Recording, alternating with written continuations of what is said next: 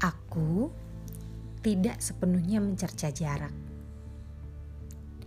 Bahkan padanya aku harus mengucap terima kasih untuk belajar mencintai sewajarnya, merindu secukupnya, dan kadang menangis sesudahnya. Jarak benar-benar mengajarkan bagaimana cara menghargai waktu.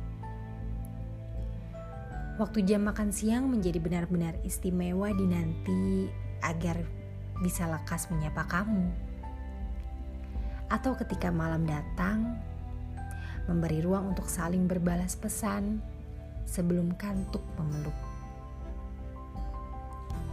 Aku belum bosan menceritakan hal-hal sederhana yang terjadi setiap hari.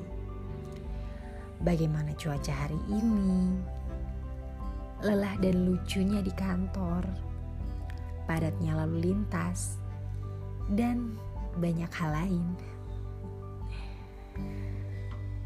Aku juga belum bosan menanyakan baju apa yang kamu pakai hari ini, menanyakan menu makan siang hari ini, atau sekedar mengucap selamat berbuka setiap Senin dan Kamis sore hari.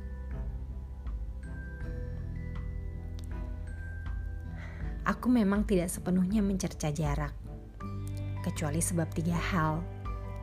Setangkup rindu, jaringan buruk telepon genggamku, dan mood yang tidak menentu.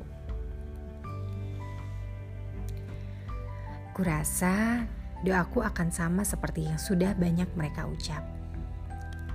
Semoga sibukku dan sibukmu adalah sibuk yang baik.